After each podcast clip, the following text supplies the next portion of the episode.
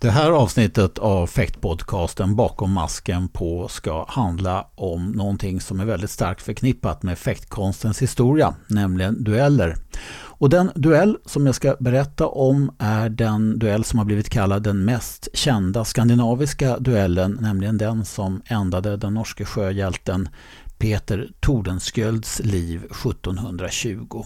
Och det blir mycket namn och det blir mycket utvikningar och det kanske är svårt att följa med men det är ju det finaste med podcast, det är att man faktiskt kan stanna där man vill och lyssna om om det är någonting man inte uppfattar. Så att eh, Även om den kanske är lite komplicerad, hela den här historien med alla dess olika förgreningar, så tror jag att den är spännande och väl värd att lyssna på. Så välkomna och lyssna på den norske sjöhjälten Peter Tordenskjölds liv och död. En garde. Prêt. Allez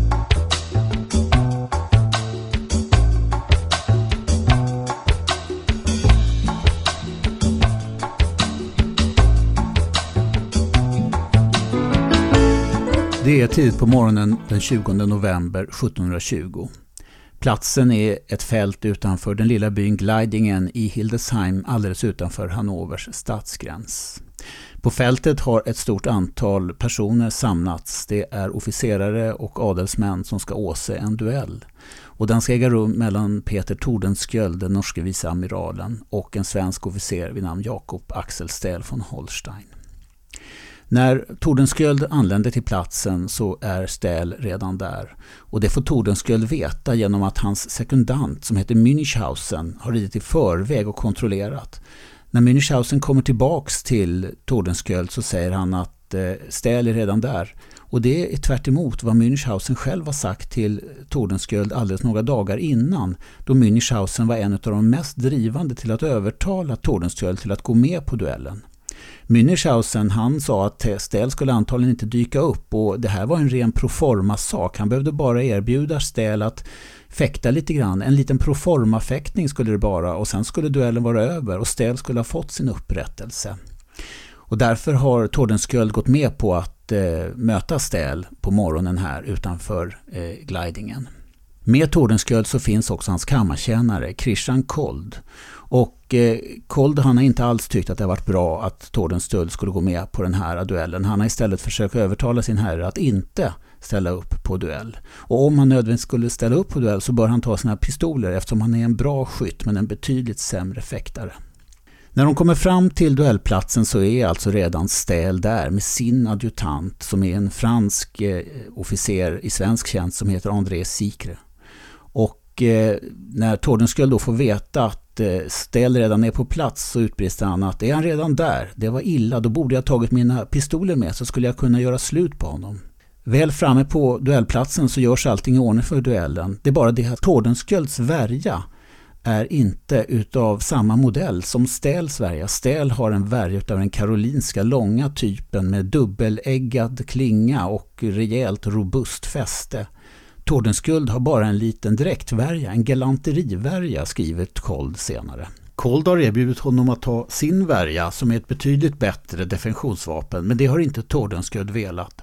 Och när man gör sig i ordning för duellen så vill inte heller Kold lämna sin herres sida utan han vill stå kvar och delta i duellen eller hjälpa Tordenskjöld ifall det icke skulle gå riktigt till. Och det vill inte Tordenskjöld, utan Tordenskjöld säger till Kold att han får gå bort, han får gå därifrån. Han vägrar det och till slut så blir det inte bättre än att Münchhausen får kliva fram och släpa bort Kold och hålla fast Kold under duellen.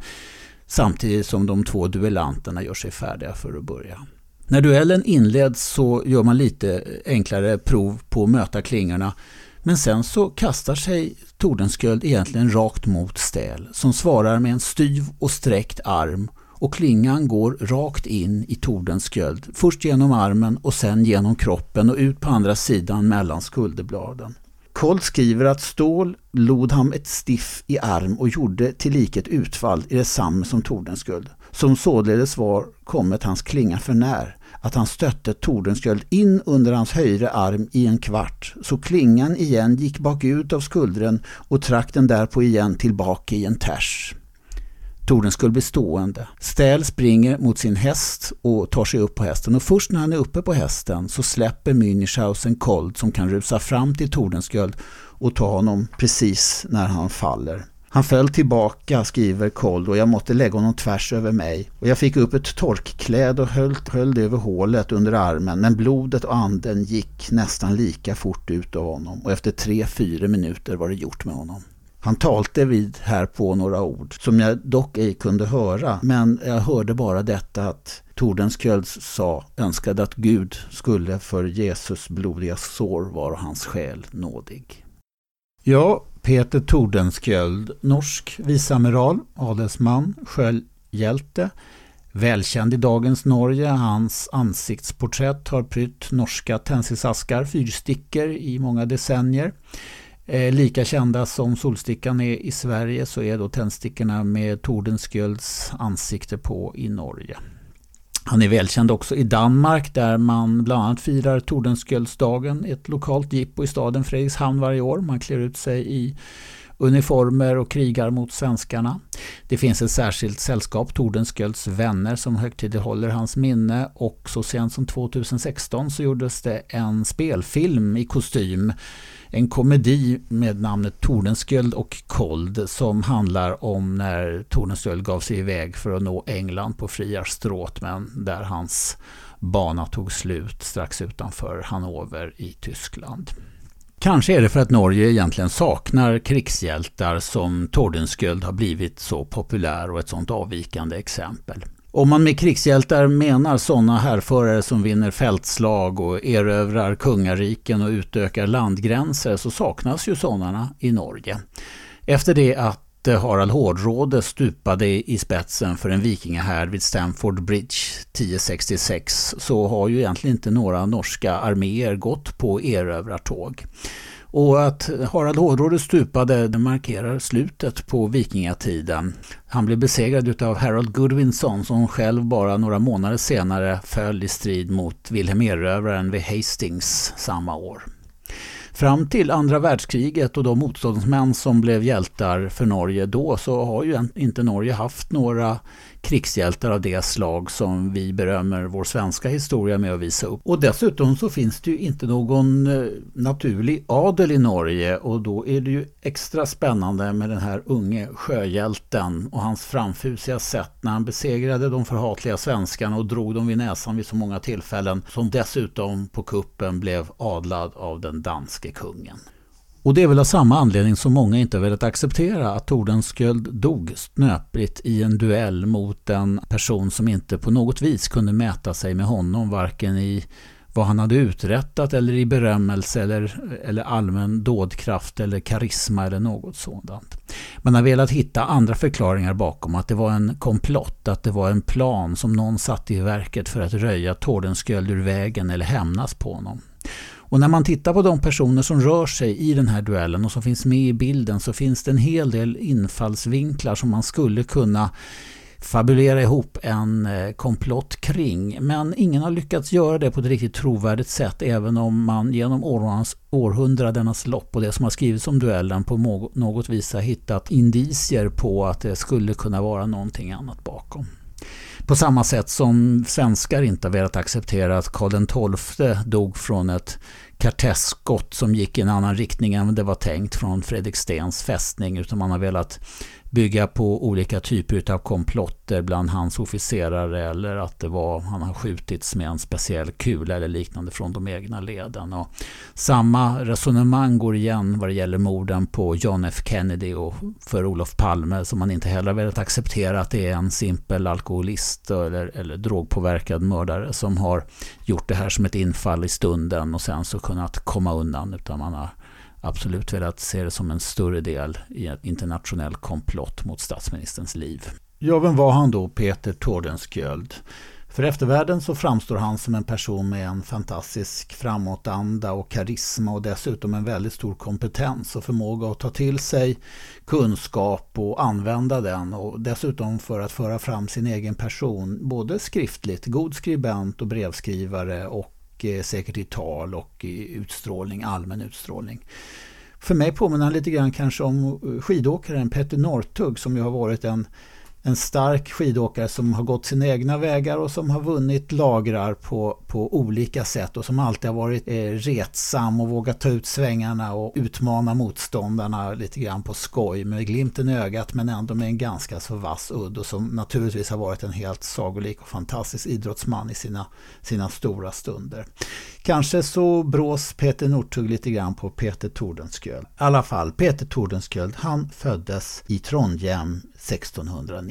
Han var son till en rådmannen Johan Wessel i staden. Och där det inte fanns någon adel så var en rådman en ganska så betydelsefull och högt uppsatt person. Peter Wessel då som han hette, han eh, sattes i lära hos en skräddare, hos barberare och olika yrkeskategorier på grund av olydnad i katedralskolan där han var satt och, och lära sig. Och när han bara var 13 år gammal så besökte Fredrik IV, den danske kungen, Norge tillhörde ju Danmark på den här tiden, då besökte kungen Trondheim och utan att föräldrarna visste om det så lyckades Tordenskjöld han lyckades slinka med, eller Peter Wessel som han hette då, slinka med och följa med den här sviten, kungens svit, till Köpenhamn.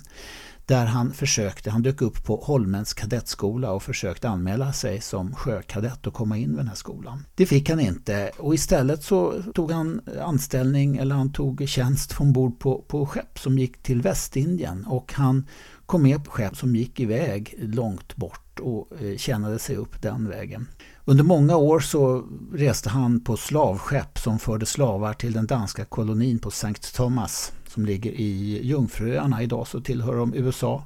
USA köpte Jungfruöarna utav Danmark, eller just St. Thomas köpte man utav Danmark 1917. Och här bedrevs stor eh, slavtrafik så Danmark var ett land som, som handlade med slavar i stor skala. Och här på de här båtarna så tjänade då Tordenskjöld och det var ett ganska så hårt liv säkerligen. Där han tjänade sig upp sina unga år mellan 14-15 års ålder upp till det att han var 19 år då han kom tillbaks till Danmark som styrman på ett sånt här slavskepp. Eh, och då antogs han på kadettskolan i, eh, i, på Holmen i Köpenhamn och eh, sattes i lära då som navigationsstudent. Och det förekom även fäktning eh, på de här, eh, i exercitsövningarna på de här skolorna. Så han kan ju ha fått viss fäktövning eh, under den här perioden när han gick i lära.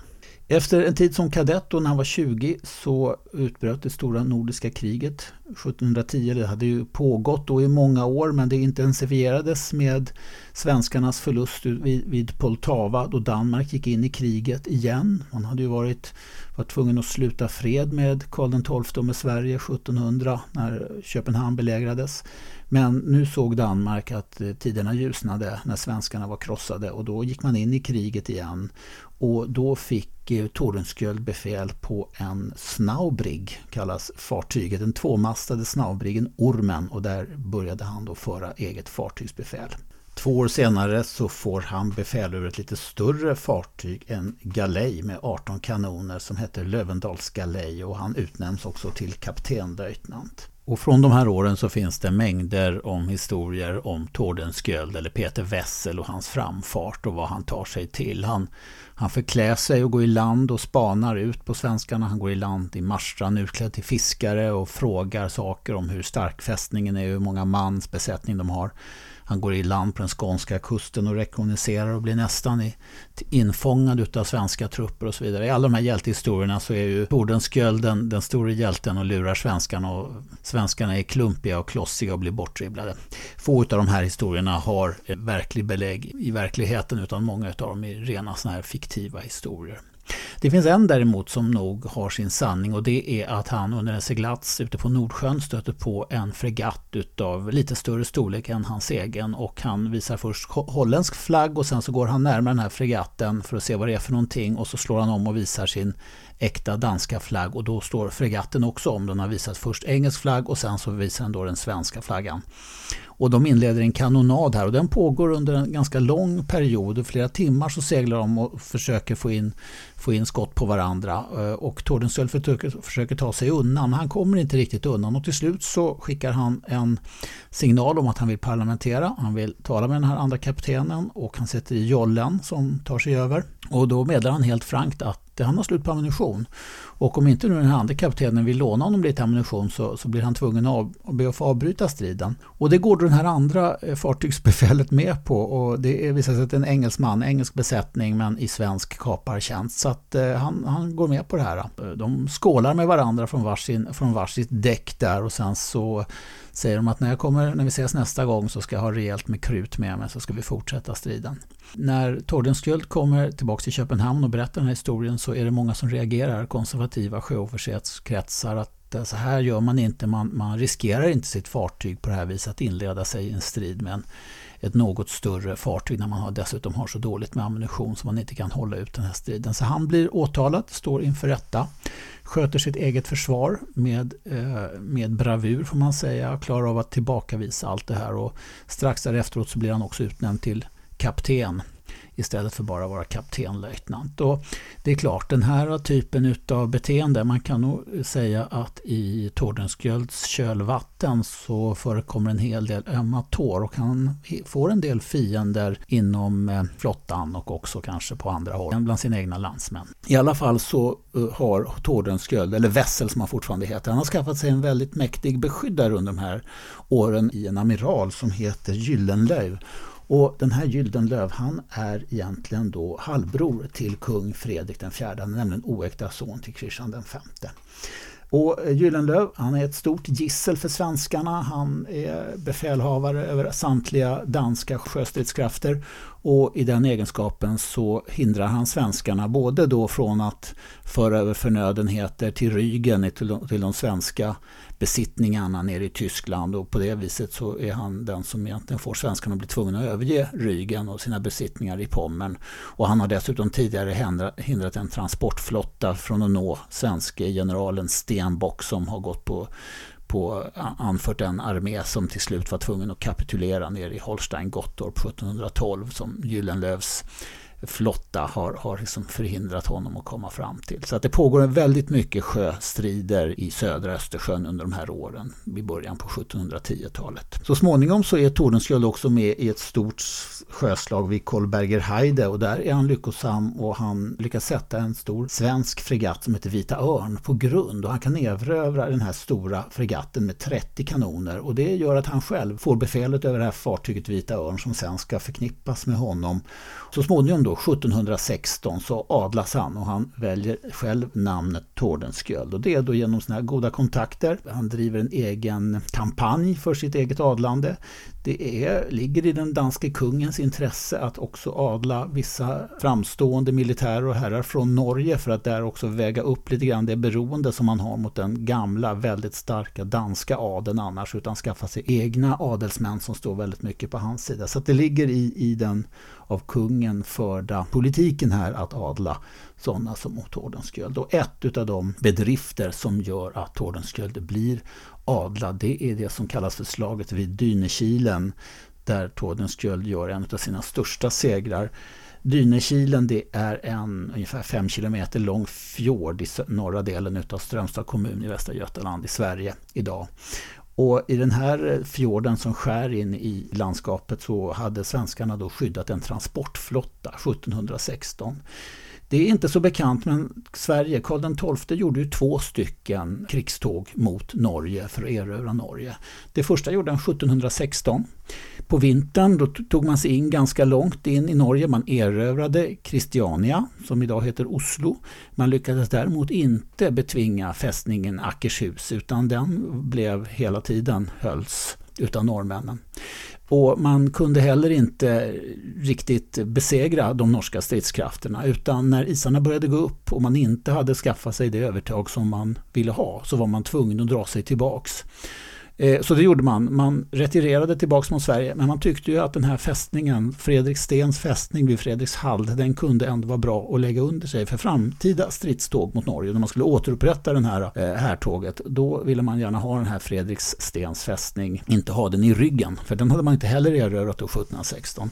Så man bestämde sig för att belägra den, eller Karl XII bestämde sig för att belägra den och det gjorde han fram på vårkanten. Och då hade man lagt upp en transportflotta med förnödenheter och kanoner och så vidare som var på väg till Fredrikshall och de hade tagit skydd i Dynekilen innan de gick in på norskt område. Och den här flottan den lyckades då Tordenskjöld spana upp och eh, han blockerade inloppet, han förde in sina skepp han bombarderade flottan eh, inne i viken eller i fjorden. Svenskarna försökte ta ut den. Eh, man blev överrumplad där inne. Man försökte föra ut den genom sundet eller genom gattet ut på öppet hav. Det lyckades inte utan många av de här fartygen sänktes. Eh, men han kunde i stort sett eh, förstöra den här eh, transportflottan och alla förnödenheter. Och det här minskade ju allvarligt Karl XIIs möjligheter att erövra Norge och man eh, eh var också tvungen att, eh, att då ge upp hela det här försöket att erövra Fredriksten och fick dra sig tillbaks. Så att det skulle ta då ytterligare så gott som två år, 1718, innan man återupptog försöken att erövra Norge och då bestämde man sig för att man skulle ta Fredrikstens fästning redan vid intåget. Och det vet vi ju hur det försöket slutade. Ja, Tordenskjöld han utnämns till kommendör vid flottan, chef för hela Kattegatt-exkaden också det här året. Så småningom så blir han utnämnd till Scoutbinacht, en sjöofficersterm motsvarande konteramiral. Jag vet inte om det används även i den svenska flottan men en Scoutbinacht, det är alltså den som har ansvar för eskaden på natten när den ordinarie amiralen sover. Då är man Scout Nacht. Tordenskjöld han gör flera försök att erövra Älvsborg. Så småningom då på hösten 1718 så dör Karl XII utanför Fredriksten. Men kriget fortsätter och i juli 1719 så gör då Tordenskjöld ett försök att erövra Marstrand. Eh, danskarna hade för att få slut på det här svenska kaperiet som pågick. Man anlitade fristående skeppare och sjömän att eh, borda och ta i beslag danska och norska fartyg. Och för att få slut på det här så la eh, Tordenskjöld en flottblockad mot Göteborg under våren 1719. Och han gjorde också ett anfall mot Bohuslän och eh, mot de här fartygen i Göteborgsskadan. Och han gjorde också ett, ett anfallsförsök mot Marstrand som har gått till historien där han då ska ha lurat kommendanten på Marstrands fästning, en överste som heter Heinrich Dankwart. Och han ska då ha fått den här Dankwart att tro att hans styrka var mycket större och han ska ha bearbetat honom med, med negativa nyheter. Det här har då givit, eller givit anledning till ett uttryck i norsk eh, terminologi som är Tordenskjölds soldater. Där helt enkelt Tordenskjöld ska ha låtit sina soldater marschera upp och ner och fram och tillbaka genom Marstrand, lilla byn där nedanför fästningen för att få den här Dankvart och besättningen på Marstrands fästning och tro att, att, de var, att de var mycket, mycket fler soldater. Det här är en anekdot som antagligen inte har någon beläggning i verkligheten att det gick till på det här viset. Men i alla fall så säger man ofta det i Norge om det är så att det är ett antal som verkar mycket, mycket större än vad det är så säger man ja det är som Tordenskjölds soldater. Han lyckas i alla fall lura den här Dankvart att ge upp fästningen och erövrar alltså Marstrand från svenskarna. Och eh, när då den svenska överbefälhavaren, den gamle fältmarskalken Rensköld får veta det här så ställs Dankvart inför krigsrätt och han döms så småningom till döden och halshuggs. Men icke desto mindre så har ju Tordenskjöld erövrat Marstrand till stor förtret för svenskarna och han gör också flera anfall på Älvsborgs fästning vid Göteborg för att erövra den. Men där är man inte lika godtrogen så att det lyckas inte. Så småningom i alla fall, 29 år gammal, så utnämns Tordenskjöld till viceamiral. Och då har man kommit fram så långt som till 1720 och då börjar fredsförhandlingar mellan Sverige och Danmark eh, och så småningom så sluts ju en fred fram 1721. Men då har redan Sverige och Danmark avslutat sina stridigheter och man, man är i fred så att säga. Och Tordenskjöld ställs då inför att ta sig fram i en civil karriär. Och det är då han beger sig utomlands och det är då vi kommer till den här berömda duellen som den här podcasten egentligen ska handla om. Ja, Tordenskjöld har under stridigheterna på, vid den svenska västkusten blivit bekant med en engelsk ambassadör till Sverige som heter Lord Carteret och eh, de har blivit väldigt goda vänner, så goda vänner att Lord Carteret till och med föreslår för Tordenskjöld att han ska söka sig till England för att fria till en rik arvtagerska som Lord Carteret känner till. Och I ett brev till en kabinettssekreterare vid danska hovet så skriver Tordenskjöld att han, eh, han har gett Carteret sin parolle att komma till England vår en smuckfröjken med 80 000 pund sterling om året nog vill stå honom an. Så han beger sig iväg, och, men det är inte någon eh, bara att han reser dit rakt av utan han har flera stycken stopp att göra på vägen.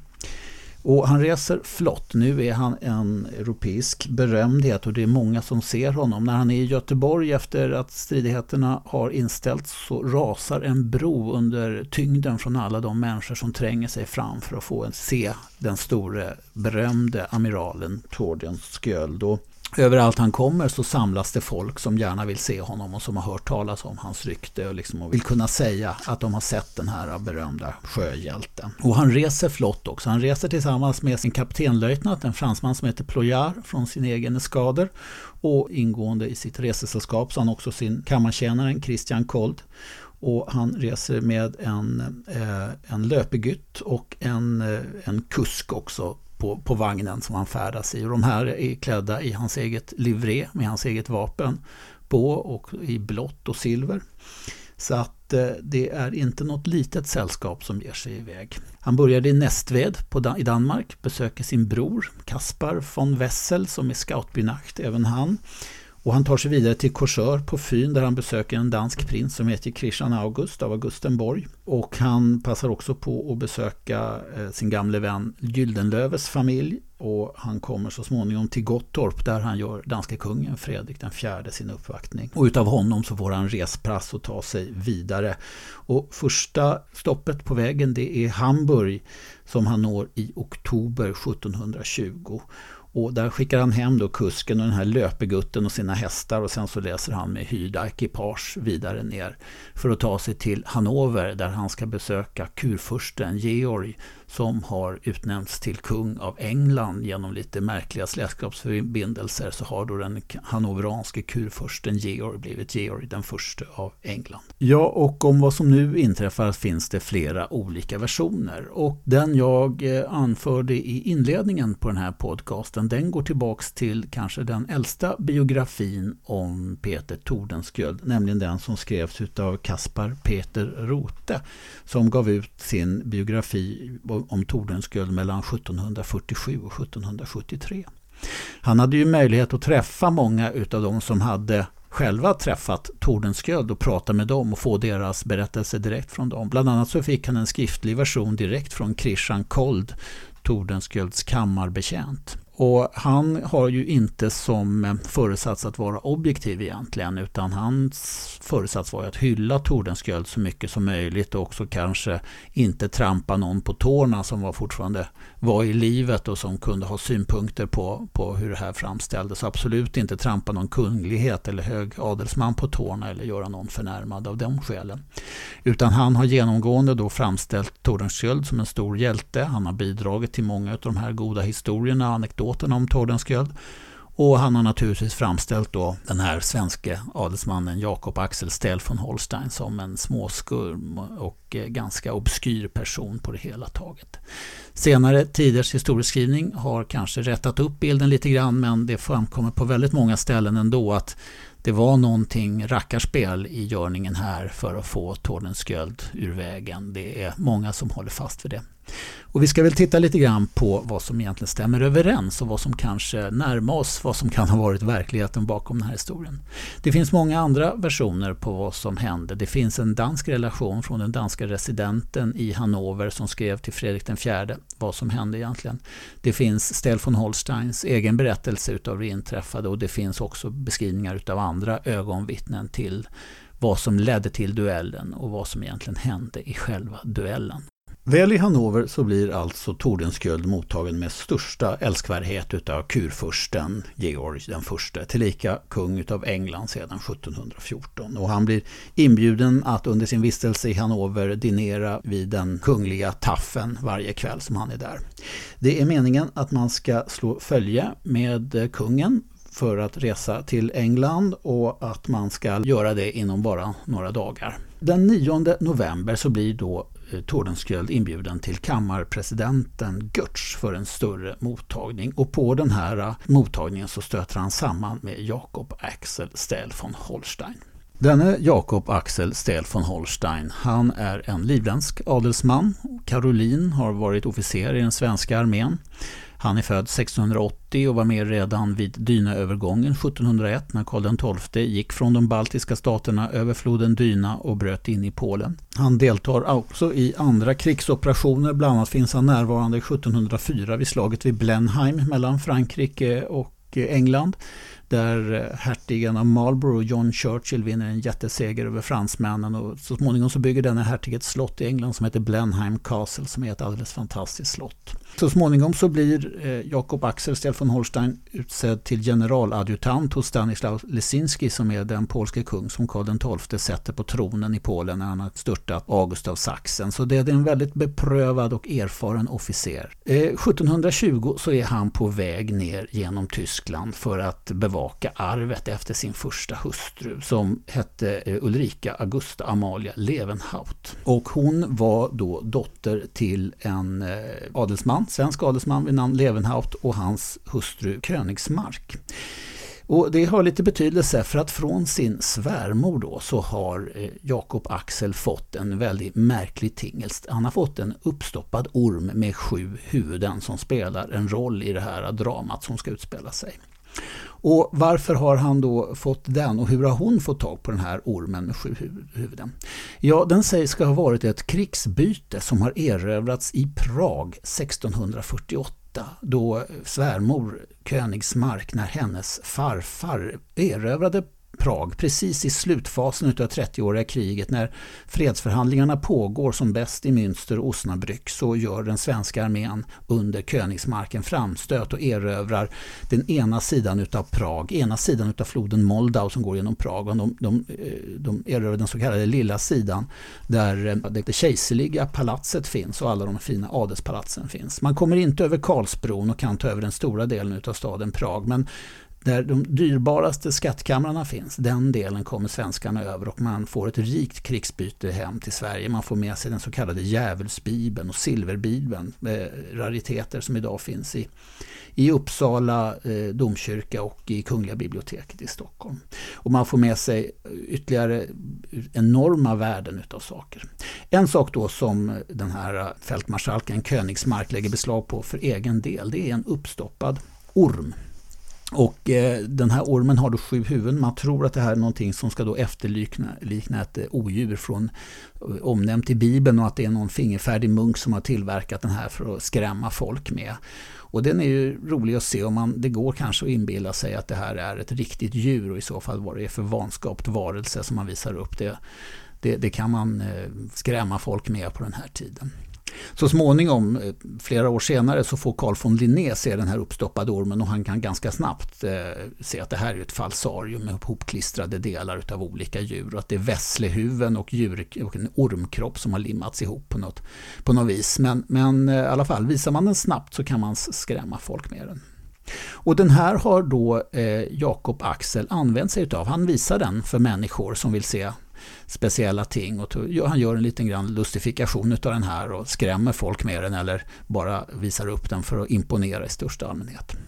Han är också en spelare den här Jakob Stell von Holstein och i Eh, danska och norska skrifter än idag, moderna skrivna verk, så går man ofta tillbaka och vill framställa den här Stel von Holstein i så dålig dager som möjligt. Man skriver att han är en tvivelaktig person och en spelare och allt det här går tillbaka på, på Rotes gamla biografi över Tordenskjöld. Det finns ingenting i samtida litteratur som stöder den här bilden av att den här beprövade soldaten och Karolinen ska ha varit en en skumrask figur, även om han var en spelare, en kortspelare som gärna spelar om pengar. Och det är vad han har gjort i Hamburg. Och där har han också träffat samman både med Tordenskjöld, säger han själv, men också med en av Tordenskjölds reskamrater, en ung man som heter Abraham Len som har anslutit sig till det här Eh, spelsällskapet och han har spelat bort ganska mycket pengar och fått upp en stor skuld till Stel von Holstein. En skuld som han sen inte har kunnat betala utan han har blivit skyldig och han har beklagat sig över detta till Tordenskjöld. Han har då förvrängt historien lite grann och sagt att det är Stel von Holstein som har visat upp den här äh, uppstoppade ormen för att lura in honom i ett spel och sen spelat av honom en hel del pengar med falskt spel. Det där är väl ganska många bedömare ändå även på den tiden och i det som har sagts att som säger att det här var nog Abraham Len som framställde historien lite väl skarpt för att ställa sig bättre in hos Tordenskjöld och kanske också försvara sitt eget agerande att ha spelat bort en sån ansenlig summa så att han har dragit på sig en spelskuld. Så några dagar senare när Tordenskjöld och Stell von Holstein stötte på varandra igen hemma hos kammarpresidenten Götz i Hannover i ett sällskap med flera personer där bland annat prinsen av Kassel är närvarande så hävdar Tordenskjöld när han blir presenterad för Stell von Holstein att han inte känner honom, att han inte har träffat honom alls. Och det där förbryllar ju Stell von Holstein och innan de hinner skiljas åt så säger Tordenskjöld också att han har hört talas om att det finns filurer med, som visar upp ormar med nio huvuden för unga människor och lurar dem. Och om en sån skulle visa sig igen i Hannover så skulle han minsann se till att denna person blev arresterad och fick utstå prygel. Och det där förbryllar ju Stel von Holstein ännu mer så då säger han att, att han äger en sån orm men den har sju huvuden som han kan visa upp. Och frågar då Tordenskjöld om det är honom han menar och när de under det här ordbytet så så eh, höjs stämningen och det liksom trissas upp där dem emellan. Och eh, Tordenskjöld säger också någonting om att han har hört talas om att det finns sådana män som använder den här typen av föremål för att lura unga män och lura av dem pengar och så vidare. Och han kallar eh, också, i och med att det här grälet då trissas upp så kallar han eh, Stell Stel von Holstein för en Jean Futel, alltså en, en skurk, en, en bedragare. Stel von Holstein han kontrar med att kalla Tordenskjöld för en simpel matros som inte vet att föra sig bättre än en sådan och det retar upp Tordenskjöld naturligtvis ytterligare. Kanske skiner det igenom här att Tordenskjöld faktiskt är van att föra befäl på ett fartyg, att vara högst eh, över hela fartyget och befinna sig ute till havs och kanske inte då nyadlad som han ändå är, att han har helt och hållet den kylan och den distansen som adelsmän på den här tiden ändå besatt fram till det att de ställdes inför en duell att han helt enkelt låter munnen löpa iväg med så här och blir för grov. Ja, och den här dispyten blir ju allt mer högljudd och till slut så kommer då den hannoveranske överstelöjtnanten Münchhausen fram och säger att eh, nu får ni fortsätta det här utanför, ni får inte Eh, störa prinsen utav Kassel som är närvarande här och de andra höga gästerna utan ni får ta det här utanför på gården. Så att de, de går ut och de blir allt mer högljudda under det att de går ut för att eh, diskutera färdigt. Och när, när de kommer ut så, så vill då Tordenskjöld att Stel von Holstein ska dra sin värja och att de ska duellera där på gården. Och eh, Stel von Holstein säger då att det här är inte lämpligt utan vi får bestämma en tid. Imorgon så får vi komma tillsammans, får vi duellera om den här saken. Det är, det är ett läge här att göra upp på gården utanför den här festen med alla lakejer som står här runt och alla andra åskådare. Det här är någonting som vi gör upp som, som gentlemän på annan plats. Men det är väl inte Torden skulle höra på utan han kallar eh, återigen eh, Stel von Holstein för en Jean Futel och fegis och skum, skurk och sånt där. Och då blir Stel von Holstein så uppretad så han tar sin käpp och slår Tordenskjöld över huvudet. Och det skulle han inte ha gjort för då blir Tordenskjöld också rosenrasande och tar käppen från Stefan Holstein. Och då får han för sig att han ska försöka dra sin värja. så det gör han, men den sitter fast i, i, i baljan. Så han får inte ut sin värja och samtidigt så får han rejält med prygel utav Tordenskjöld som helt enkelt inte ger sig utan som rappar på friskt och slår Stel von Holstein alldeles blodig. Och och de blir åtskilda. Då har också Stefan Holstein rusat in på Tordensköld där de har, har antagligen rasat runt och rullat runt och brottats där en del. Och då eh, när de blir åtskilda så är Stefan Holstein han är så blod, nerblodad och smutsig så att eh, bärstolslakejerna de vill inte ha in honom i bärstolen för att han, han är så, så nersmutsad helt enkelt. Ja, och dagen därpå så skickar då Stel von Holstein en utmaning till Tordenskjöld och det går lite grann medlaren där fram och tillbaka. Stel von Holstein överlåter till Tordenskjöld att välja vapen. Han väljer att fäkta med värjor. Tordenskjöld säger att han gärna kan möta honom ensam utan några sekundanter. Det svarar Stel på att eftersom det här grälet har varit offentligt så bör också reparationen, alltså upprättelsen, vara offentlig. Och det här inträder, eller vid det här tillfället så inträder nu ett antal frågor som har givit upphov till att det här har misstänkts vara en komplott och vad, vad som egentligen har förevarit. Eh, dels så rör det sig om valet utav sekundant för Tordenskjöld. Det är nämligen den här hannoveranske överstelöjtnanten Münchhausen som framträder som Tordenskjölds sekundant. En person som Tordenskjöld inte har träffat förut och egentligen inte känner. Och Sen är det frågan om varför Tordenskjöld då egentligen väljer värjor när han inte har någon egen övning med värja. Det finns relaterat en stycken duell som Tordenskjöld ska ha utkämpat under sin studenttid som navigationsstudent vid Holmen. Men, men i övrigt har han inte utkämpat några dueller. Det finns en värja bevarad på ett museum som är Tordenskjölds där han har markerat i fästet med små streck alla de gånger han har varit under beskjutning. Och det har någonstans påstått att det där skulle ha varit dueller som han har deltagit i. Men det, det, stämmer nog inte utan han har nog bara utkämpat möjligtvis den här enda duellen och har ingen större vana vid att använda sig av värja och fäkta och sånt. Däremot så ska han ha varit en väldigt god pistolskytt och det finns bevarade pistoler som har tillfört Peter Tordenskjöld. Väldigt eleganta pistoler och han sägs ska ha kunnat träffa, skjuta liksom ett ljus, släcka ett ljus med ett pistolskott eh, på kanske 20 meters håll eller så här, var ett säker skytt.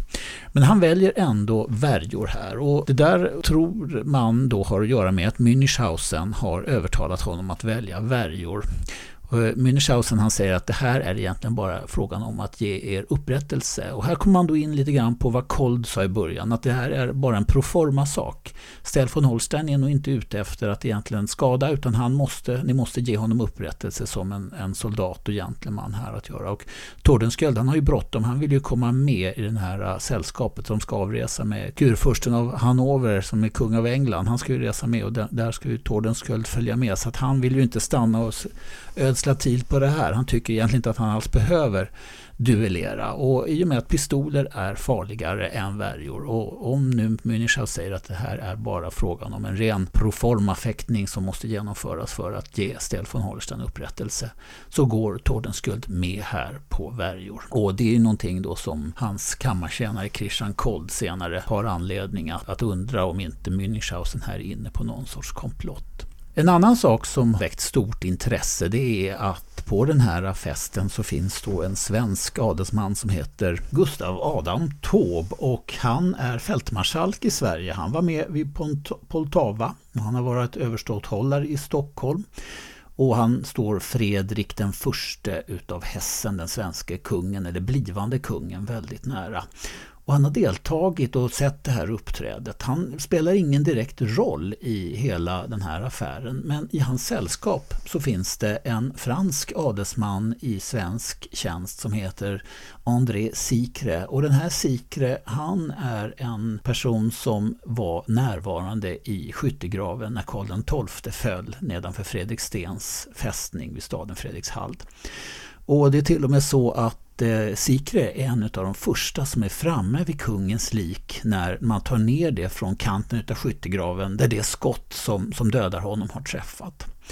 Och han eh, tar sin peruk och sin hatt av sitt eget huvud och sätter på kungens genomskjutna huvud och tar kungens hatt istället med kulhålet med och sätter på sitt eget huvud. Och sen så, då, så bär man bort kungens lik på med Sikres peruk och hatt på och säger att det är en hög officer som har stupat för att inte de svenska trupperna ska bli modfällda.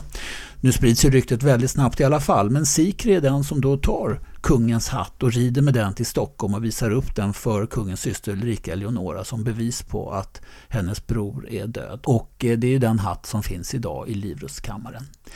Den här Sikre då, att han finns på plats när egentligen, eh, eller när man kan säga att båda de två mest kända nordiska personer under den här tidsepoken, när, när de dör, det är ju lite speciellt. Och Sikre han är en superbroder kan man nog säga till Fredrik den första. De är goda vänner. Dessutom har han ett lite grann eh, fallenhet för sinnessjukdom och några år senare än det här inträffar så öppnar han ett fönster i Stockholm efter att ha eh, varit, haft feber och legat sjuk och ropar att det är han som är Karl XIIs mördare. Och han blir Eh, i den här duellen Stel von Holsteins sekundant. Och nu är det ingen som har lyckats knyta ihop en riktigt bra förklaring till hur den här komplotten skulle vara sammansatt. Men det upphör aldrig att bygga spekulationer kring varför den här personen som stod nära den blivande kungen, Fredrik av Hessen, alltså drottninggemålen utav Sverige, varför han helt plötsligt befinner sig alldeles in på Peter Tordenskjöld. De här duellförhandlingarna de pågår under hela den 10 november. Eh, man kommer överens om att man ska mötas den 11. Det går då inte för att alla posthästar är upptagna. De har tagits i anspråk för att att transportera hela hovet och kurfursten utav Hannover till England. Så att man får inte tag på några hästar för att ta sig utanför Hannovers stadsgräns. Dueller är förbjudna i Hannover och man vill inte ytterligare kompromettera och skikanera kurfursten. Utan man bestämmer att man ska mötas på andra sidan gränsen i Hildesheim i den lilla byn Glidingen, där finns det en plats som heter Selvise och där ska den här duellen äga rum och det bestäms då till den 12 november på morgonen. Så har vi då kommit fram till själva duellen och då ska jag försöka rensa bort mycket av det som har blivit den förhärskande historieskrivningen om hur Tordenskjöld dog. Det är nämligen Råtes biografi från 1740-talet som har blivit den förhärskande bilden och han har stött sig mycket på Christian Kolds berättelse som ju kom till 20 år efter själva duellen. Det är till exempel inte alls särskilt troligt att Münchhausen skall ha ridit i förväg till duellplatsen och kontrollerat om Stähl var där och då passat på att se till att Stähl inte hade pistoler med sig för att meddela det till Tordenskjöld. Och att eh, när Tordenskjöld väl hade lämnat sina pistoler att då Stähl kunde ställa upp på duellen och komma med sin värja. Det är inte heller troligt att eh, Stähl hade en karolinsk värja medan Tordenskjöld bara hade en liten direktvärja. Det finns ingen annan än Christian Kold som ger den uppgiften i någon av källorna från duellen. Att Münchhausen skulle ha agerat konspiratoriskt här för att dölja en komplott mot Tordenskjölds liv, det är inte sannolikt. Han var ju hannoveransk officer och Hannover och kurfursten av Hannover stod ju på väldigt mycket på Tordenskjölds sida och hade väldigt gott öga till Tordenskjöld. Att han skulle ha vågat sätta sitt rykte på spel genom att konspirera med så här många fula knep för att Tordenskjöld ska råka i duell och där bli dödad, det är ju helt otänkbart. Det finns inga som helst belägg för den saken. Münchhausens bidrag i den här duellen det är nog ganska så obetydligt och istället så blir han känd som far till den kände historieberättaren Baron von Münchhausen om vars äventyr det skrevs fantastiska skrönor. Och, ja, han flög på kanonkulor och diverse andra tokigheter. Hur som helst, man kommer fram till duellplatsen och eh, Tordenskjöld försöker på sig en förklaring, en ursäkt lite grann. Eh, han säger att jag hade aldrig kunnat tro att denna sak skulle komma i sånt skick efter att jag i mina utlåtelser ej menat er. Varpå Stel svarar att han tar de församlade herrarna, generalerna och eh, andra officerspersoner där till vittne på att eh, Tordenskjöld inte har menat honom med hans tal om den här ormen och falskspeleriet. Men nu är det som det är. Det är illa att eftersom vi har kommit så här långt och så visar han upp sitt blåslagna blodiga öga så måste vi duellera för vår heders skull och så gör man sig redo för att påbörja duellen. När man inleder tar då först Stel von Holstein till offensiven. Tordenskjöld retirerar några steg bakåt. Sen så höll han sin värja högt för att få Stel och också hålla högt och så går han framåt och attackerar och då möts han utav en styv och sträckt arm från Stel von Holstein som träffar honom in under armen med sån kraft så att klingan går ut i ryggen mellan skulderbladen. En av ögonvittnesskildringarna, en dansk general som heter Lövenörn som skriver ett brev till den svenska adelsmannen Tessin. Han skriver sen att Tordenskjöld lyfte värjan högt för, för, att få den andra till att parera lika högt. Så att han själv skulle få möjlighet att komma in under klingan och gripa honom med händerna. Men Stahl gav honom en stöt genom lungan och kroppen varvid han föll till marken. Tordenskjöld blir stående, han ropar halt själv. Han säger Ich habe genug, mein arm ist ab och sen så faller han till marken och man rusar då fram. Klingan har skurit av flera artärer nära hjärtat och eh, blodet strömmande. Han försöker ta sig upp, han tappar värjan men faller igen och Kold är väl en av de som är först framme. Enligt vissa av de här ögonvittnesskildringarna försöker även Stell von Holstein vara med och stoppa blodflödet. En kirurg eller en läkare som finns på platsen rusar till och försöker också han stoppa blodet och på olika sätt eh, täcka över de här hålen då där det pumpar ut blod. Men eh, det lyckas ju naturligtvis inte utan bara några minuter så är Tordenskjöld död. Och man kan naturligtvis spekulera över vad som egentligen hände. Om det var så att Tordenskjöld eh, rusade på här för att skrämma Stäl i samma bombastiska överrumplade stil som han använde sig av i så mycket annat som han företog sig. Och att Stäl då utan eh, att egentligen hinna reagera bara försvarar sig med en reflexmässig styv armsträckning och, och att klingan då går in i Tordenskjöld. Eller kan det vara så att han i det här november ute på fältet i det hala gräset helt enkelt halkade och föll mot eh, Ställs Stäls bergspets och fick den på så vis in i kroppen eller att han snubblade på något vis. I alla fall så såras han. Huruvida Stäl eller andra är med och hjälper till där försöker stilla tårflödet så flyr Stäl snabbt från platsen och han uttryckte senare sin stora sorg över den olyckliga utgången i den här duellen. Han blev eftersökt men man får inte tag på honom. Det ryktas bland annat också om att ett antal matroser ska ha varit på, på jakt efter stäl för att hämnas sin, sin döde eh, viceamiral. Men han håller sig undan. Han dör senare på sitt gods i Pommern och han lever ganska så högt eh, överflöd. Andra faktorer som inte går att belägga det är egentligen att eh, Koldo tillskriver Stäl att ha varit både korpulent, överviktig, inkommod, alltså vid dålig kondition och närsynt och liknande för att göra honom göra den här konspirationsteorin ännu mer stark, att det verkligen var en konspiration bakom som tog dödet av Tordenskjöld, men det går alltså inte att belägga vidare. Eh, de danska myndigheterna vägrade Tordenskjölds döda kropp varje form av hedersbetygelser. Han var ju en död i en duell. Han fick inte ens eh, ta sig, ta sig in, kroppen fick inte ens ta sig in på dansk område för att begravas utan man efter obduktionen så fick man eh, helt enkelt smuggla in den och den eh, hölls undan ganska länge innan den blev bisatt i Holmens kyrka i Köpenhamn där den ligger idag. Obduktionsrapporten, den var länge trodde man inte att någon sån existerade. Den blev eh, dock upptäckt för sådär tiotal år sedan, inte alls så länge sedan. Och den fanns instucken eller inskriven i Tordenskjölds egen notisblock som han hade med sig. Där har man då satt in ett exemplar av den här obduktionsrapporten och den är svår att läsa. Den är skriven med ett eh, silverstift med gotiska bokstäver på gammal tyska så att den har varit väldigt svår att tyda för historikerna. Men utav den framgår då att att eh, den här stickkanalen har gått igenom bröstväggen och perforerat högra lungan och hjärtsäcken och eh, den har alltså gjort att det är en stor eh, snitt i aorta som har gjort att det finns hur många vitala artärer och organ som helst som den här klingan har lyckats sticka igenom på sin väg genom kroppen så att det var en helt omöjlig sak att överleva.